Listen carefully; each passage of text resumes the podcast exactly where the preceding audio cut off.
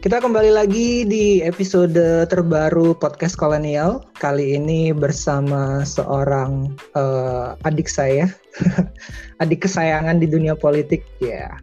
uh, hari ini kita akan ngebahas topik yang sangat menarik tentang investasi untuk anak muda, uh, terutama karena salah satu figur nasional Bu Megawati baru-baru ini melontarkan sebuah pertanyaan uh, tentang apa sih kontribusi anak muda, terus spesifiknya generasi milenial untuk uh, bangsa dan negara. Jadi kayak uh, itu sesuatu yang sangat menarik sebenarnya untuk dieksplorasi lebih lanjut. Dan hari ini kita akan menguliknya, mengupas tuntas bareng uh, teman lama saya ini, sekaligus adik saya juga, Sekar Krisnawi. Kan? apa kabar?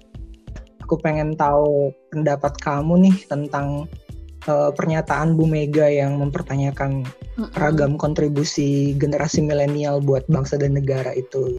Oke, okay, uh, thank you Kak Jona. Jadi mungkin satu hal yang juga ingin aku luruskan adalah ini first ini my own personal opinion ya. Jadi kayak um, tidak sangkut paut oleh siapa pun orang lain ataupun komunitas yang berada di sini aku. Just personally my personal opinion.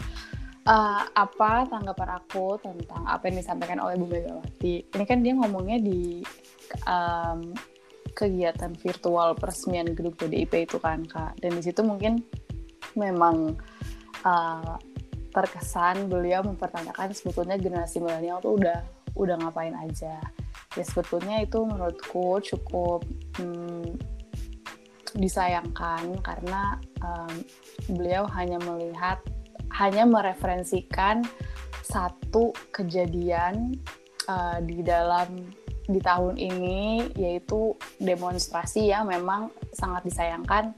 Kegiatannya itu merusak fasilitas umum. Tetapi itu tidak menjadi contoh ataupun referensi yang representatif terhadap sebetulnya apa saja yang sudah dilakukan oleh anak anak-anak muda di Indonesia pada dewasa ini. Mungkin memang buat dia hanya itu yang bisa beliau lihat. Um, saya juga nggak tahu.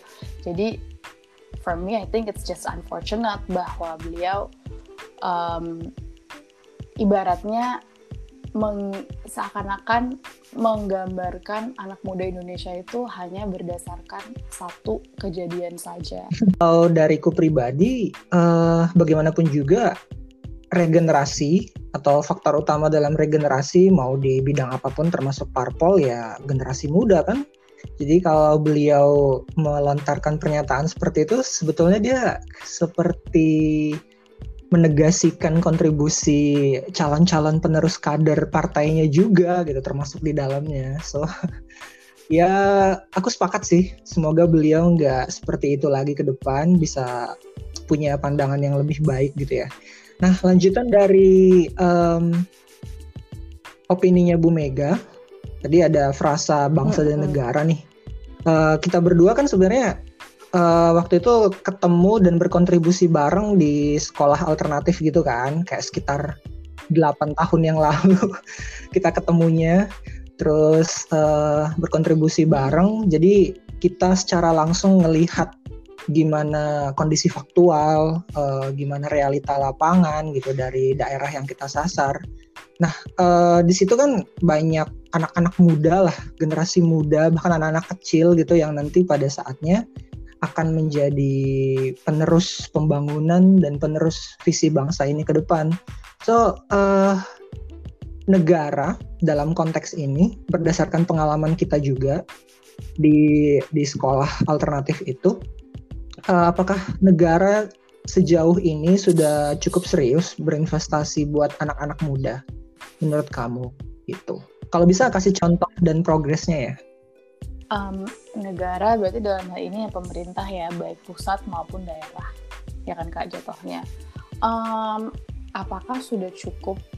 Menurut aku it, ya sa satu hal yang pasti paling penting banget hmm. investasi di anak muda itu kan melalui melalui pendidikan. Dan apakah pendidikan kita di Indonesia itu sudah cukup bagus sehingga murid-muridnya itu akan tumbuh dan berkembang menjadi orang-orang dewasa yang produktif yang juga berbakti untuk bangsa dan, dan bernegara? Itu tentunya nggak bisa kita bilang iya atau enggak karena kan dari sisi pendidikan itu juga juga beda-beda. Ada sekolah yang konvensional ada kegiatan di luar itu semua. Mungkin kalau dari segi investasi ke pendidikan tentunya banyak banget yang masih bisa ditingkatkan lagi. Khususnya di saat covid ini kita melihat masih banyak sekali daerah yang memang kekurangan akses untuk materi pendidikan yang yang yang berkualitas. Mungkin itu satu. Jadi dari segi pendidikan there is still a lot of room to grow. Apalagi dunia ini terus berkembang dan terus berubah maka dari itu pendidikan sudah seharusnya ikutan berkembang dan berubah juga dengan zamannya. Kemudian apa hal-hal lain yang sebetulnya pemerintah udah lakukan mungkin yang paling nyata buat seumur aku sekarang dan di kalangan teman-teman aku hmm. uh, dan kakak-kakak ya, ya komunitasku itu yang paling nyata mungkin LPDP karena itu adalah sebuah uh, itu bisa itu bisa dibilang salah satu bentuk komitmen juga dari uh, pemerintah melalui Kementerian Keuangan untuk memberikan kesempatan anak-anak Indonesia yang memang sudah berprestasi untuk bisa semakin berprestasi lagi di universitas-universitas terbaik di dunia. Mungkin itu satu. Eh, mungkin itu dua. Kemudian apalagi kira-kira investasi negara di anak muda sekarang. Mungkin yang kayak hmm. tadi Kak Jona juga udah sempat bilang di awal um, ada yang namanya stafsus milenial itu. Walaupun sebetulnya fungsinya apa itu juga masih dipertanyakan ya se, se. Um, tapi dari segi citra itu mungkin bisa menjadi sebuah itu mungkin bisa mengirimkan sebuah pesan bahwa oke okay, ini pemerintahnya mau ada uh, fokus yang lebih ke anak muda menganggap anak muda itu penting. Dan sebetulnya mungkin anak muda itu juga didefinisikan beda-beda ya kak. Kayak kalau kalau kita sebagai pemerintah itu mungkin ngelihat anak muda tuh anak-anak yang umur umur 30-an aja itu tuh masih bilang muda gitu kan. But there is this understanding hmm. that you can do something really fast yang pada akhirnya kamu umur 30-an itu udah bisa dibilang tua. Apalagi di daerah, apalagi kalau misalnya kita di industri tech, tech atau startup. Jadi anak muda itu juga mungkin jatuhnya um, sebetulnya anak, anak anak muda yang mana gitu. Tetapi kalau misalnya kembali lagi ke diskusi di awal, kalau dari segi pemerintah ya mungkin dengan ada status milenial itu menjadi salah satu bentuk pencitra ya ya untuk menyampaikan pesan bahwa oh mulai ada nih fokus ke anak muda atau menganggap anak muda itu penting untuk diajak untuk um, membangun bangsa. Kemudian mungkin yep, dengan yep. dipilihnya Nadim sebagai Menteri Pendidikan itu kan juga banyak kontroversinya di situ. Mungkin salah satunya mungkin karena memang beliau masih muda banget untuk menjadi menteri. Beliau juga sebetulnya sebelumnya hmm. itu pemimpin tech company, not necessarily an education company, walaupun beliau pinter. Jadi banyak kontroversi juga di situ. Tapi ya apa pun yang berhubungan dengan, menurut aku, apa pun yang berhubungan dengan progres itu kan pasti selalu diawali dengan kontestasi dengan adanya kontroversi apa pun itu. Whatever type of progress makanya pemikiran-pemikiran progresif itu juga pasti akhirnya menjadi sesuatu yang kont kont kontroversial juga di di mana pun itu.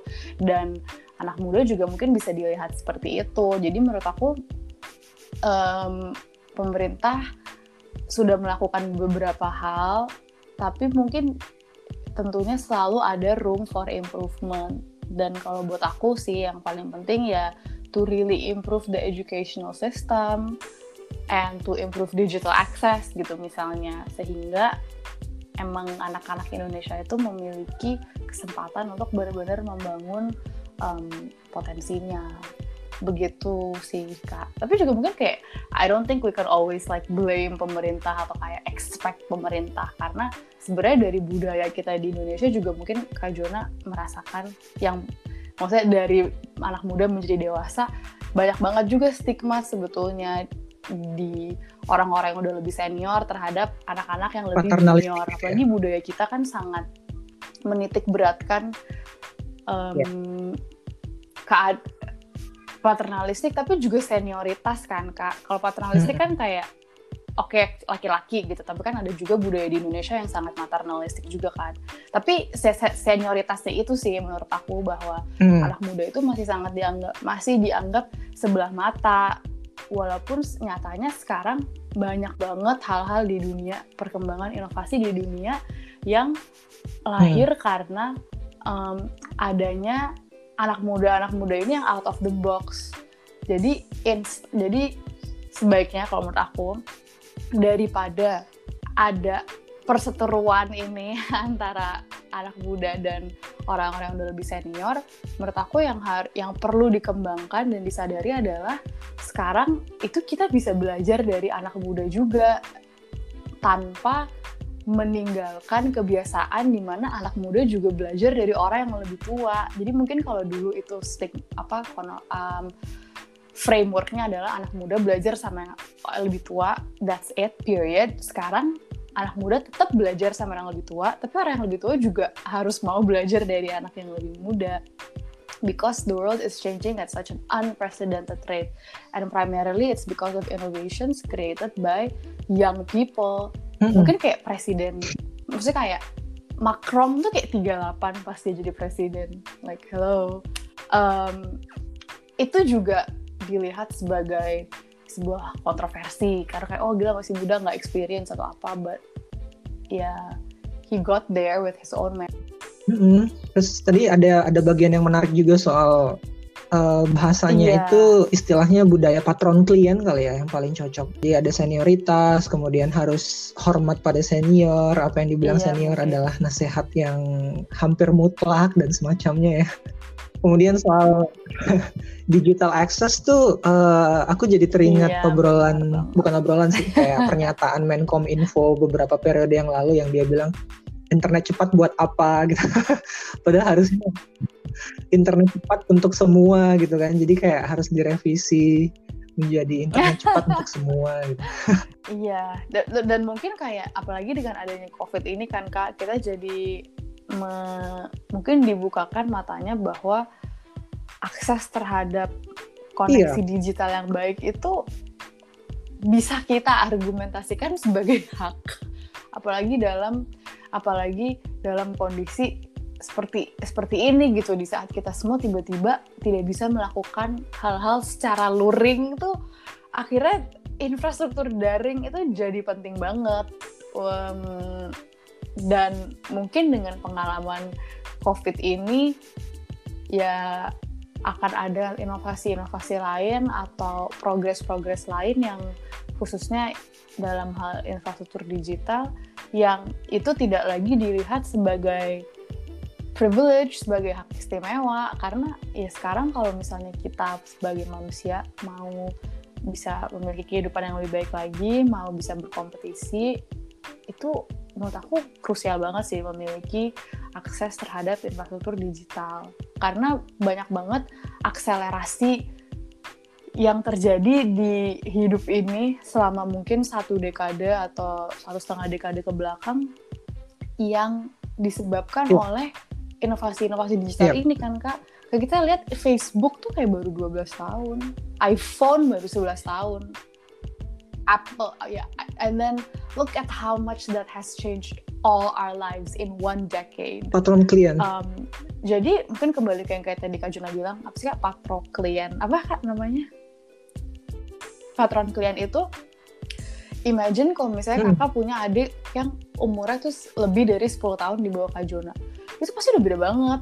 Karena adiknya Kak Juna itu waktu dia SD mungkin dia udah pegang iPhone kak sedangkan Kak Juna baru pegang iPhone kayak pas kakak umur 20-an gitu. Jadi imagine adanya Kak Jona tuh SMP, SMA, kuliah tuh selalu pegang handphone di saat mungkin Kak Jona enggak.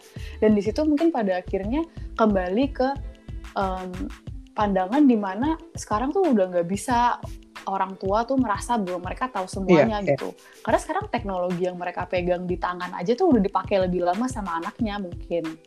Um, itu contoh yang kayak sangat sangat konkret gitu.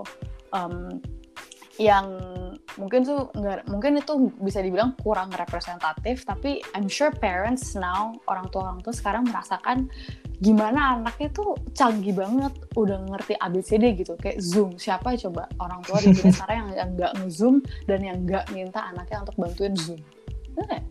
that's like a really small and minute and personal example of um, people's lives now. Persis banget seperti yang kamu sampaikan tadi. Jadi kayak uh, people's change, maksudnya the world is changing gitu. Kayak Gen Z itu terutama ya udah terpapar sama teknologi itu bahkan sejak mereka uh, punya memori pertama mungkin sekitar umur 4 tahun atau lima tahun gitu kan.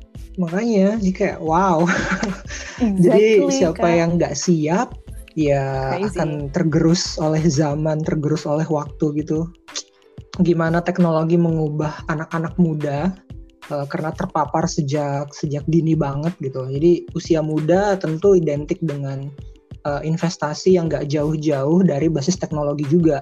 Ya ragamnya macam-macam sih, bisa berupa aset kayak uh, tunai atau properti atau saham. Ya anak SMA dan kayak kuliah uh, tahun pertama gitu kayaknya udah udah paham gimana cara main saham, gimana bikin tabungan emas digital gitu kan. ya, hal-hal semacam itu. Tapi uh, ada yang lain juga sebenarnya. Uh, contohnya itu seperti investasi kultural, uh, sosial gitu, termasuk investasi intelektual juga. Ini sebenarnya belum banyak dieksplorasi, belum jadi narasi yang populer juga di ruang publik Nah, uh, menurut kamu nih, kenapa anak muda ya generasi kita atau di bawah kita itu perlu banget sebenarnya berinvestasi dalam berbagai jenis, nggak cuma satu jenis aja gitu, nggak cuma investasi aset tapi juga investasi sosial misalnya. Uh, kenapa itu perlu gitu menurut seorang Sekar? on this. um, karena melihat um, perkembangan dunia juga kak uh, teknologi itu mampu ya seperti yang hmm. sudah banyak orang katakan mendekatkan yang jauh dan menjauhkan yang dekat di sisi lain dengan adanya algoritma yang sangat canggih di platform-platform yang kita gunakan untuk berinteraksi dan berkomunikasi ada tendensi di mana materi-materi um, informasi orang-orang yang kita temukan di platform-platform tersebut itu sudah dikurasi sedemikian rupa oleh algoritmanya untuk menunjukkan hal-hal yang hanya kita senangi gitu. Um, ini itu paling um, konkret manifestasinya biasanya kalau lagi ada um, isu politik atau banyak analisa yang sudah dilakukan oleh berbagai macam institusi dan sumber pemberitaan um, yang ya, berbeda drastis kak mendukung kandidat B. Hmm. Ya, ini sangat sangat gitu. Dan dengan semakin meningkatnya teknologi yang seperti ini, semakin terjadinya polarisasi dan orang-orang itu semakin memiliki pilihan untuk hanya um, bergaul, berkomunikasi, berinteraksi dengan orang-orang yang memiliki pemikiran yang sama aja dengan mereka gitu. Kan bahaya kak.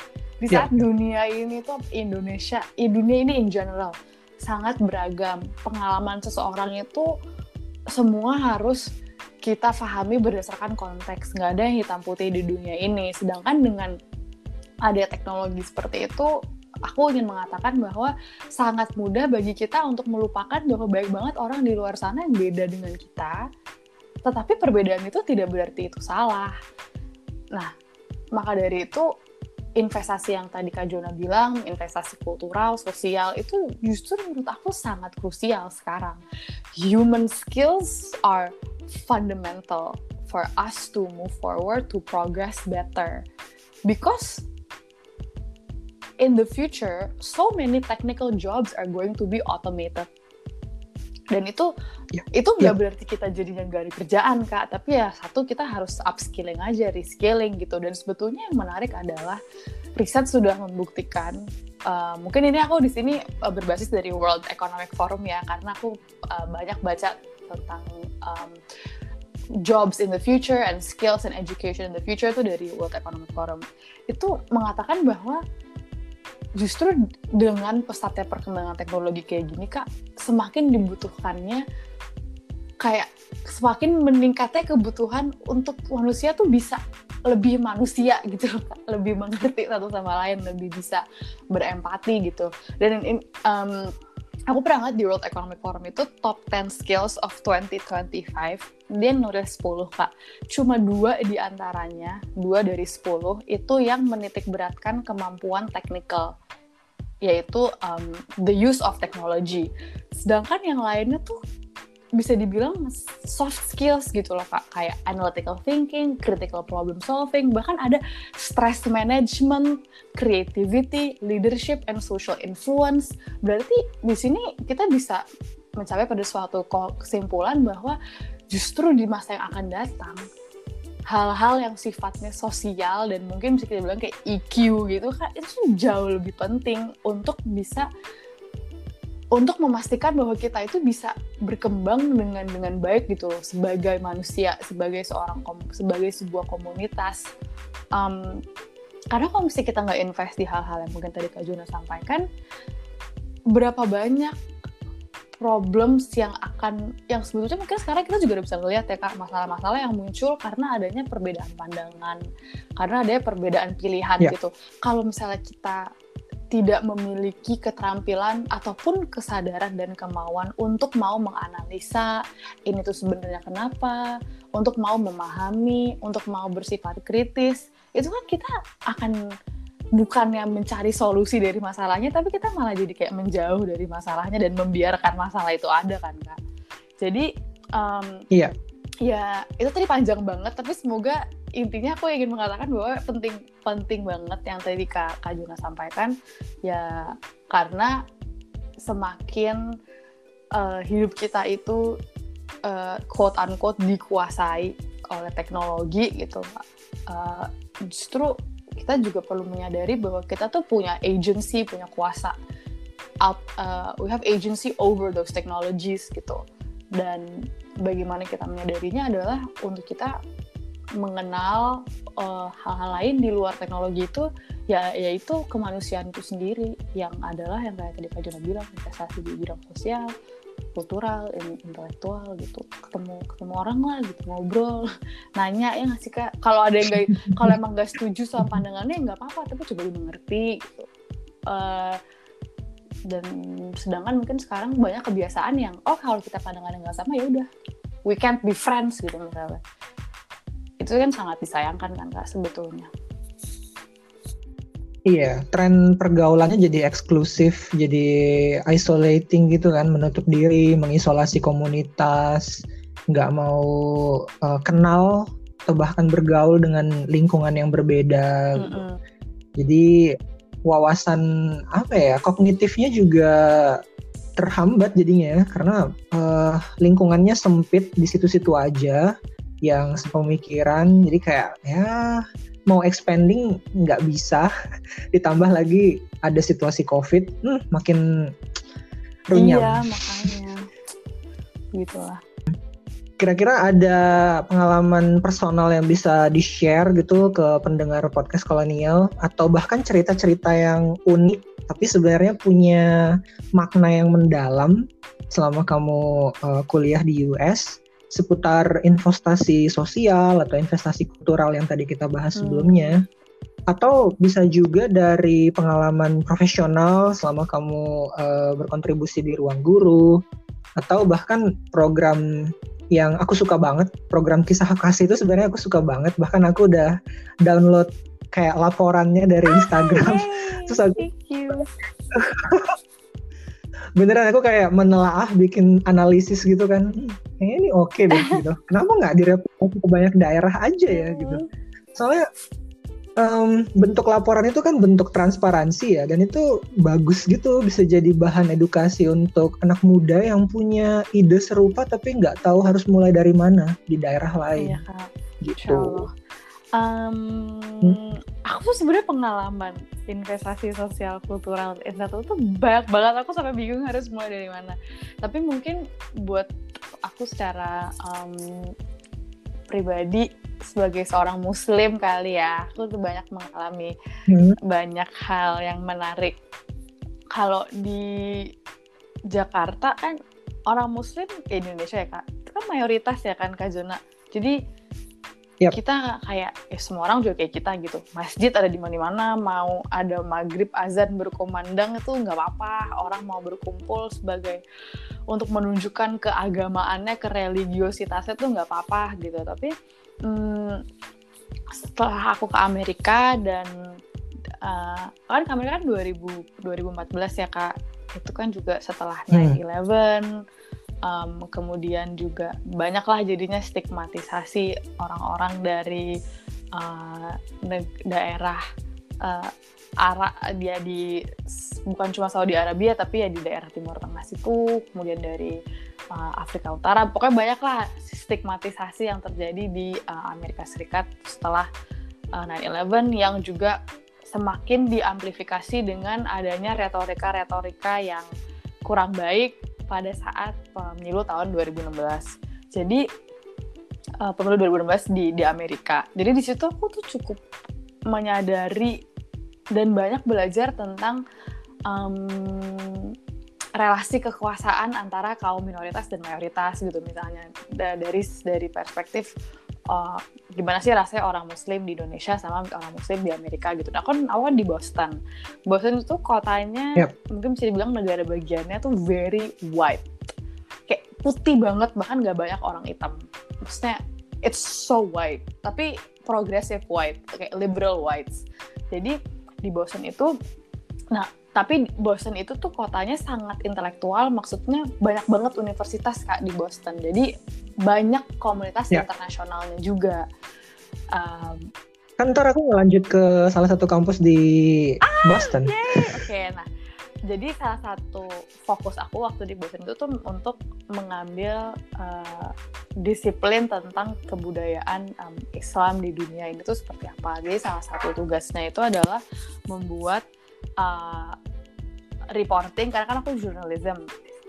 Uh, reporting dan aku memutuskan untuk membuat um, berita uh, audiovisual gitu ada di YouTube. Maka uh, tentang kehidupan orang Muslim di Boston tuh seperti apa. Dan di situ di situ aku menyadari um,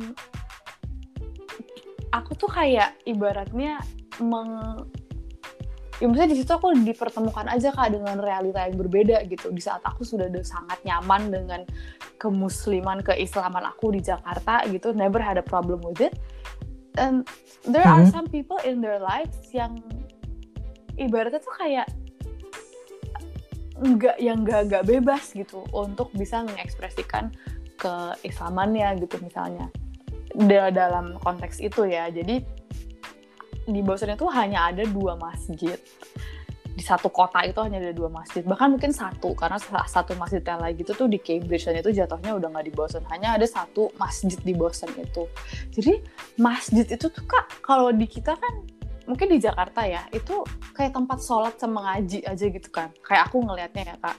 Ya. kalau di sana tuh jadi segala tempat kayak tempat sekolah obviously tempat beribadah tempat kita hang out sama teman-teman, tempat um, kita belanja. Jadi kayak it's like its own community gitu. It's such a vibrant place dan mungkin that vibrancy adanya ya kegiatan seperti itu lahir karena mungkin mereka minoritas jadi they have nowhere else to go but there sehingga masjid itu nggak cuma tempat beribadah tapi jadi tempat untuk bersosialisasi untuk tempat untuk hangout merayakan inilah apalah segala-gala gitu. Dan um, di situ aku ketemu sama sebuah imam namanya Mike Michael. Dia um, very smart dan dia juga di kelas aku ternyata di, di Boston. Dan kita di situ banyak banyak diskusi tentang kayak sebenarnya tuh agama Islam tuh kayak apa sih dan lain-lain. Karena I have to say I am a Muslim tapi um, I I'm very progressive in that sense. Dan Islam yang aku dapetin di pendidikan tuh lebih ke agamanya gitu loh kak. Tapi jarang banget aku tuh mau belajar tentang where does Islam come from? The history the context of Islam's progression gimana mereka tuh awalnya ya dari Nabi Muhammad terus tiba-tiba bisa sampai Prancis di tahun 1700-an itu terus habis itu tiba-tiba Ottoman jatuh gitu-gitu kan kak? Sebetulnya tuh kan termasuk dalam perkembangan dari agamanya juga tapi di Indonesia aku nggak pernah dapat itu gitu. Jadi pas aku di sana tuh it's like a whole new understanding of the religion the, the people how different people lives. And then kemudian aku juga alhamdulillah sempat ke Maroko dan tuh ngeliat investasi agama Islam tuh beda di sana. Dan uh, mungkin akhirnya dengan ya itu mungkin salah satu bentuk investasi budaya buat buat aku ya jatuhnya. Dan ya harapannya aku ke depan itu bisa menghilangkan stigma-stigma atau judgment-judgment yang mungkin pada akhirnya bisa menjauhkan aku dari hal-hal baru gitu. Karena kan kadang kita pasti punya pemikiran-pemikiran sendiri kan kak. Ketemu orang baru ketemu komunitas baru kayak kita ada preconceived judge preconceived notions kan. Kayak oh pasti mereka kayak gini deh atau apa gitu. Jadi um, aku sangat bersyukur memiliki pengalaman seperti itu sehingga um, sejauh ini dan semoga ke depannya aku bisa terus ter terbuka bertemu dengan orang baru ataupun menghadapi tantangan dan menghadapi perubahan dunia yang selalu aneh-aneh aja gitu. Dengan adanya semangat uh, keterbukaan dan kemauan untuk memahami itu. Dan sebetulnya kisah kasih itu juga dilandasi oleh nilai-nilai itu kak. Makanya di relawan kita tuh ada wawancaranya. Karena ya masa kita cuma ngasih gitu aja kak itu kan kayak we don't even yeah, iya. understand yeah. maksudnya hmm, mungkin buat teman-teman podcast TK Juna kita kasih kemarin kita ngasih sembako ke PKL di Jakarta dan relawannya itu pas memberikan sembako um, memang kita minta untuk ada lah sedikit diskusi sama PKL-nya tentang keadaannya gimana gitu dan memang goalnya adalah agar kita membantu tapi juga bisa memposisikan juga bisa mengerti mereka di mana gitu loh kak. Karena relasi kekuasaan yang terjadi ketika kita ngasih barang tuh menitik beratkan kekuasaannya di orang yang ngasih tanpa actually memahami orang yang kita kasih itu kenapa gitu kan kak. And dan yeah, itu yang betul. sebetulnya ingin kita ingin agar pemberian bantuan itu seegaliter mungkin. Dan dan bisa dan orang yang membantu juga uh, bisa betul-betul ya bisa semakin memahami lah kak jatuhnya. Karena relawan kita itu juga orang-orang yang uh, sangat berkecukupan dan nggak semuanya itu pernah ke lapangan. Uh, jadi it's it's it's a learning experience mm. for both me and my friends as the as the organizer and and, and the volunteer. So um, thank you so much juga kak Jonah for always supporting dan mendownload report kita. Hehe Iya, um, awalnya kisah kasih itu menyasar seribu pedagang kaki lima kan, tapi kemudian di akhir malah berhasil menyasar hampir 2000 atau sampai 2000 nggak sih pedagang kaki lima secara kuantitatif? Uh, kita sampai 2500 kak kemarin. Wow, wow, yeah, amazing. Dan kalau nggak salah sempat diliput sama Dai TV kan? Aku nonton wawancara oh kamu loh di Dai TV iya sempat sempat ada di Dai TV sama di narasi People. Tapi emang saat itu kan banyak banget kegiatan-kegiatan kayak gitu kan kak. Jadi um, I think ya kisah kasih saat itu kami ya menjadi bagian aja dari salah satu kegiatan yang emang ingin membantu orang lain gitu. We don't um, it's just another thing it's just another program. Iya, tapi walaupun uh, scope-nya kecil, cuman lingkup DKI Jakarta, tapi ya you did something good. Itu manfaatnya bakal gede banget ke PKL PKL yang kalian bantuin. Kita kita nggak akan pernah tahu gimana kondisi keseharian mereka kan. Jadi ketika ada yang datang dan memberikan empati apa pun bentuknya itu nilainya sangat-sangat tinggi, value-nya sangat-sangat berharga sih menurut. Thank you kak. gitu, terutama di tengah situasi pandemi yang kayak gini kan, ya bantuan sekecil apa pun akan sangat mm -mm. bernilai. Oh ya, kalau mau download reportnya, siapa tahu ada pendengar yang mau belajar juga kan, udah tertarik dengan, karena kita udah uh, kasih clue dari tadi. Um, bisa dat bisa di download di Instagramnya, boleh kasih oh, tahu nggak Instagramnya yes. apa? Instagramnya itu @kita_kasih underscore org. Oke, jadi selain ngedownload reportnya juga bisa lihat foto foto-foto, dokumentasi maupun video dari diskusi dengan PKL, terus uh, data-data kuantitatif juga ada ya di situ dalam bentuk infografis, ya kan? Jadi pokoknya tampilannya menarik dan datanya uh, faktual gitu. Oke. Hmm, oke deh. Terakhir nih Sekar uh, harapan pribadi jadi kita ngomongin soal hmm. imajinasi ke depan. Ya, setidaknya untuk satu dasawarsa dari sekarang lah 2030. Um, harapan kamu untuk peningkatan moda investasi bagi anak muda dan gimana impactnya atau dampaknya buat peningkatan partisipasi juga partisipasi anak muda di ranah lokal sampai nasional supaya omongan seperti pernyataan Bu Mega tadi nggak terulang di masa depan seperti itu. Um, mungkin kalau yang pertanyaan Bu Mega itu kayak Bu Meganya aja sih kak yang yang mungkin yang mungkin karena itu keluar dari uh, apa ya seorang tokoh nasional yang sudah malang melintang itu iya, impactnya langsung bener, gede bener. gitu loh. Semoga orang-orang yang juga udah lebih senior itu mau me mau menerima kekurangan dan ketidaktahuan mereka. um, maksudnya di juga personal experience karena aku anak bungsu, orang tua aku juga udah hidup ya, orang tua aku juga udah tua dan orang tua aku juga juga adalah tokoh. Jadi hal-hal yang kayak yang Bu Mega sampaikan kayak gitu tuh tuh juga pengalaman pribadi ya, pengalaman personal aku lah. Dan ya I think um, dari orang tuanya juga perlu ada kesadaran bahwa ya mungkin gue nggak tahu semuanya kali ya gitu. Maksudnya perlu ada keberanian untuk mengakui itu juga. Jadi um, investasi anak ke anak muda itu perkembangan atau output dari investasinya itu juga akan efektif apabila orang-orang yang lebih senior juga mau satu mengakui bahwa mereka nggak tahu semuanya dan kan anak-anak muda juga ber berkreasi memberikan yang hubungan sama Bu Mega ya. Tapi in general buat aku berharap anak muda itu selalu suka membaca